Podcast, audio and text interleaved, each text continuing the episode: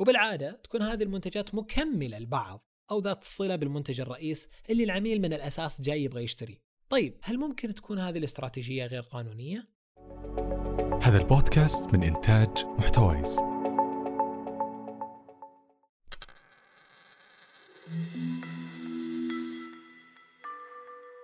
أهلا أنا حسين علي.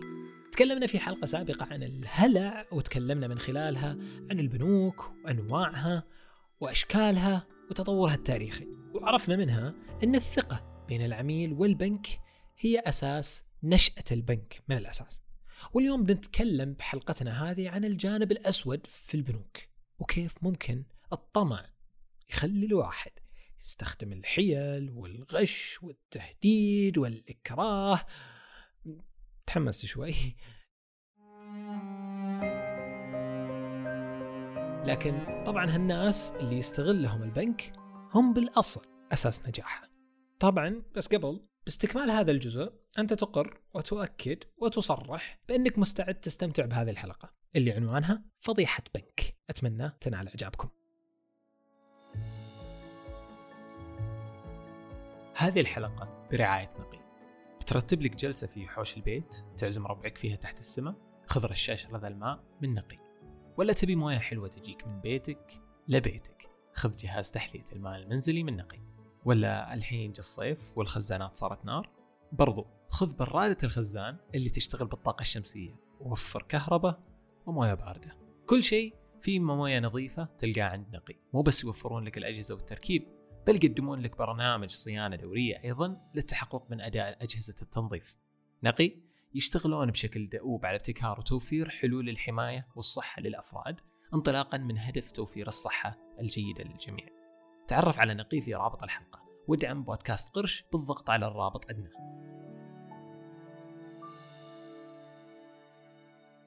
نتكلم اليوم عن قصة أشهر بنك أمريكي وكان أكبر بنك في العالم من ناحية القيمة السوقية. صار له في مجال البنوك والمالية أكثر من 160 عام وعنده 35 فرع حول العالم وأكثر من 70 مليون عميل. مستعدين تعرفون اسم البنك؟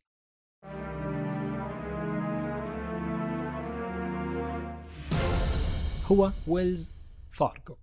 أسس البنك هنري ويلز وويليام فارغو هم بعد اللي أسسوا أمريكان إكسبرس ترى. والبنك هذا يعتبر من أوائل البنوك وأحد البنوك القليلة اللي نجت من الأزمات في سنواتها الأولى ساعدتها إدارة البنك السليمة على مواجهة الكساد الكبير وخدمة أمريكا خلال الحرب العالمية الثانية وخلت البنك في وضع يمكنه من تلبية الاحتياجات المصرفية الاستهلاكية الجديدة في مرحلة ما بعد الحرب المزدهرة.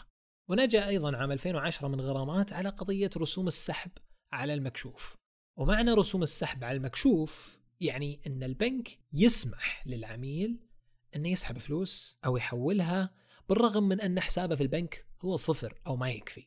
وعلى مستوى القروض يعطيك البنك قرض قصير الأجل إذا كان رصيدك أقل من صفر. خلينا نبسطها شوي. مثلا كان معاك ألف ريال في حسابك البنكي ورحت وكتبت شيك بقيمة 2000 ريال. طبعا هذا الشيء ممنوع في السعودية لكن البنك هنا بدوره راح يمشي العملية من خلال السحب على المكشوف ورصيدك بيكون سالب ألف يعني الحين أنت مديون للبنك بألف ريال لأن ما عندك إلا ألف. فالألف الثانية البنك بيعوض عليها. طبعا البنك تميز بخدمات كثيرة واللي كان كثير من المنافسين يحسدونها عليها. أول واحدة هي ال cross selling وتعني البيع المتقاطع. بتوع ال sales يعرفوا هذا الشيء. قلت لي إيش هو ال cross selling هي استراتيجية تعتمد عليها عمليات البيع واللي تستخدم لزيادة أرباح الشركة وإيراداتها. يعني يجي البايع ويحاول يقنع العميل بشراء منتجات. ما كان مخطط إنه يشتريها بطريقة إنه يعرض له مميزات هذا المنتج علشان يقتنع ويشتري. وبالعادة تكون هذه المنتجات مكملة لبعض أو ذات الصلة بالمنتج الرئيس اللي العميل من الأساس جاي يبغى يشتري. مثلا أنت رايح أنت تاجر كمبيوتر وقلت لا أبغى أشتري هذا الكمبيوتر فقط. فيجي يروح يعرض لك ماوس يعرض لك keyboard يعرض لك مكافح فيروسات يعرض لك Office يعرض لك أي شيء ثاني وهذه يسمونها cross selling طيب هل ممكن تكون هذه الاستراتيجية غير قانونية؟ نعم.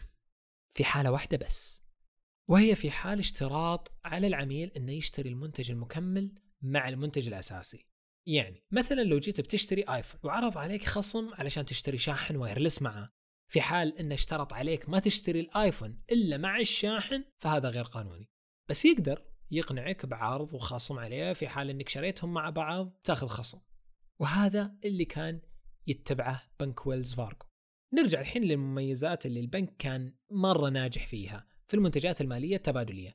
مثال الحسابات الجارية حسابات التوفير بطاقات الائتمان الرهون العقارية إدارة الثروات وغيرها. غير أن البنك أساسا هو غير طريقة التعامل فكان من أوائل من استخدم أجهزة الصراف الآلي والخدمات المصرفية عبر الهاتف أو الخطوط السريعة وحتى الخدمات المصرفية عبر الإنترنت هذه الخدمات المميزة تخلي العملاء مرتبطين بالبنك وما يحتاجون إنهم يشيلون قشهم لأي بنك آخر. الفصل الثاني بداية المشكلة وأسبابها، لكن بعد الفاصل.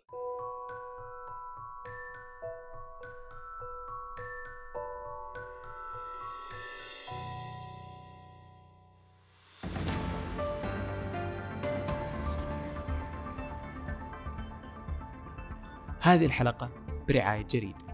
قد سمعت قبل كذا عن النمر اللي قلب الاستثمار الجريء من فوق لتحت أو عن الحرب الباردة على المستودعات حول العالم. إذا ما سمعت عنهم أو سمعت عنهم وتبي تعرف أكثر عنهم اشترك في جريد. جريد هي بوابتك الأولى في بداية يومك بإيجابية ومعرفة. جريد ما يهمك على البريد. يرسلون لك تقرير تنفيذي يومي تحصل فيه أفضل محتوى جايك لين صندوق بريدك الإلكتروني. ادعم بودكاست قرش وفريق العمل عن طريق الاشتراك في قائمة النشرة البريدية الخاصة فيهم. واستمتع كل يوم بمجموعة مقالات وأخبار تغير عليك. محمد بازيد ومازن الضراب وحاتم كاملي. إذا تعرف هذه الأسماء هم أيضا كلهم مشتركين في جريد ويستمتعون فيها. جربها وما راح تخسر شيء. لتفاصيل أكثر وللاشتراك ادخل على الرابط في وصف الحلقة. رجعنا بعد الفاصل طبعا زيادة حجم مبيعات البنك بعد الأزمات المالية اللي مر فيها وزيادة المنافسة خلت صاحبنا البنك طماع فبدأ يستغل الاستراتيجية اللي تميز فيها مع كسب ثقة عملاء لصالحه وفي نقطة ساعدته بعد وهي أن موظفيه خدمة العملاء. خلوني أقول لكم على شغلة. في مجال خدمة العملاء في البنوك دائما تكون في أهداف محددة للمبيعات يجب عليهم الوصول لها خلال السنة أو خلال فترة زمنية محددة. بحيث ترتبط زيادة المكافأة السنوية للموظف بتحقيق أهداف المبيعات. حقق هالرقم من المبيعات وتحصل هالزيادة السنوية. وبداية عام 2002 بدأ صاحبنا باستغلال هذه الأدوات. أول شيء وضع لهم أهداف مبيعات خيالية عشان يحققونها. بعدها بدأ الضغط على مدراء الفروع وبالتالي الضغط على الموظفين علشان يحققون الأهداف هذه. كان هدفه هو تحقيق الانتعاش في الأرباح بأي طريقة. طبعا خوف الموظفين من إنهم يفقدون وظائفهم ورغبتهم بزيادة مكافآتهم السنوية دفعتهم إلى هذا الحل وهو استغلال العملاء. وهنا كانت بداية المشكلة. بالأول كان العميل يجي للبنك ويطلب فتح حساب واحد وفي المقابل الموظف يفتح له أكثر من حساب بدون ما يدري العميل. ويقوم العميل بتوقيع على أوراق لفتح حسابات ومن ضمنها أوراق أخرى متعلقة بالحسابات الوهمية. ومن هنا انطلقت المشكلة وبدأت تزيد. ما توقفت عملية الاحتيال بس على فتح حسابات وهمية بل شملت عملية الاحتيال خدمات أخرى من بينها أنه إصدار بطاقات ائتمان إصدار قروض سيارات تأمين إجباري رسوم لتثبيت أسعار الفائدة على قروض التمويل العقاري وهو يخالف قانون حماية المستهلك في الولايات المتحدة الأمريكية. وصلت عدد الحسابات الوهمية أكثر من مليون ونصف مليون حساب. وتم إصدار أكثر من 500 ألف بطاقة ائتمان دون علم العميل بها. وبعد 15 سنة من الخداع وفي عام 2016 بدأ العملاء بملاحظة أن توصلهم رسائل بريد غريبة بالإضافة إلى خصومات من حساباتهم. ومن الناحية الأخرى البنك كان مستفيد من هذه الأعداد في زيادة أسهم الشركة وزيادة حجم مبيعاته. شوي شوي بدأت تزيد الشكاوى وعدد القضايا. وهذا اللي دعا الشرطة الفيدرالية بفتح تحقيق حول هذه المشكلة. المحور الثالث العقوبات، لكن هذه بعد الفاصل.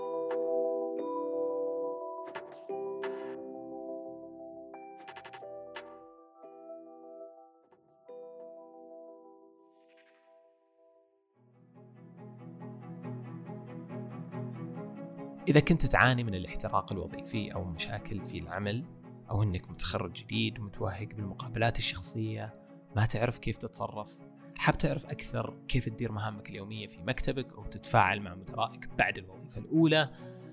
بودكاست تمهير يقدمه لكم محمد بن خيلان وعاصم الشهوان. كل يوم ثلاثاء ويتكلمون عن تجاربهم في الإدارة والعمل. رابط البودكاست في وصف الحلقة. قبل الفاصل تكلمنا عن بنك ويلز فارغو وكيف كان ناجح هذا البنك. وبعدين تكلمنا عن التحايلات الطماعة اللي بدأ البنك يسويها عن طريق ضغطه على الموظفين وبعدين ضغط الموظفين على مدراء الفروع وبعدين ضغطهم على موظفين ال counter خدمة العملاء علشان يوقعون العملاء على أوراق وهمية وخدمات وهمية وحسابات بنكية وسيارات وغيرها. الحين بعد ما بدأت الشرطة الفيدرالية بالتحقيق بدأت تظهر العقوبات. وبعد التحقيقات والمقابلات اللي تم عملها مع الموظفين ومراجعة المستندات المصرفية الداخلية وسجلات المحكمة تم إثبات جميع التهم على البنك وعليه تم فرض غرامة توصل إلى 185 مليون دولار بالإضافة إلى تعويض للعملاء اللي تضرروا بمبالغ حوالي 5 مليون دولار أمريكي. واستقالة المدير التنفيذي وشطب 9 مليار دولار من قيمة البنك السوقية وفقد المرتبة الأولى كأكبر بنك من حيث القيمة السوقية للمرة الأولى في العالم. ولكن كانت أعظم خسارة للبنك هي سمعته وفقده ثقة العملاء فيه. الفصل الأخير حل المشكلة. عشان يحل المشكلة ويضمن عدم تكرارها اتخذ البنك خطوات إصلاحية. بدأ بتعديل نظام الحوافز إلغاء أهداف البيع للموظفين اللي في الفروع وإرسال رسالة بريد إلكتروني إلى العملاء في كل مرة يتم فيهم فتح حساب جديد ومراجعة أهداف مبيعاته. وتمت مراجعة آلية تقييم المشرفين ومكافحة اللي يهددون منهم الموظفين على أهداف المبيعات. والزبدة هي إن البنك يتأدب.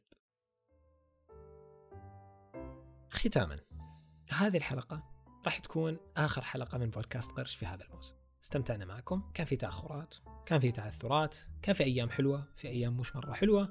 عشناها مع بعض. أتمنى أن بودكاست قرش كان صديقكم طول هذه المدة.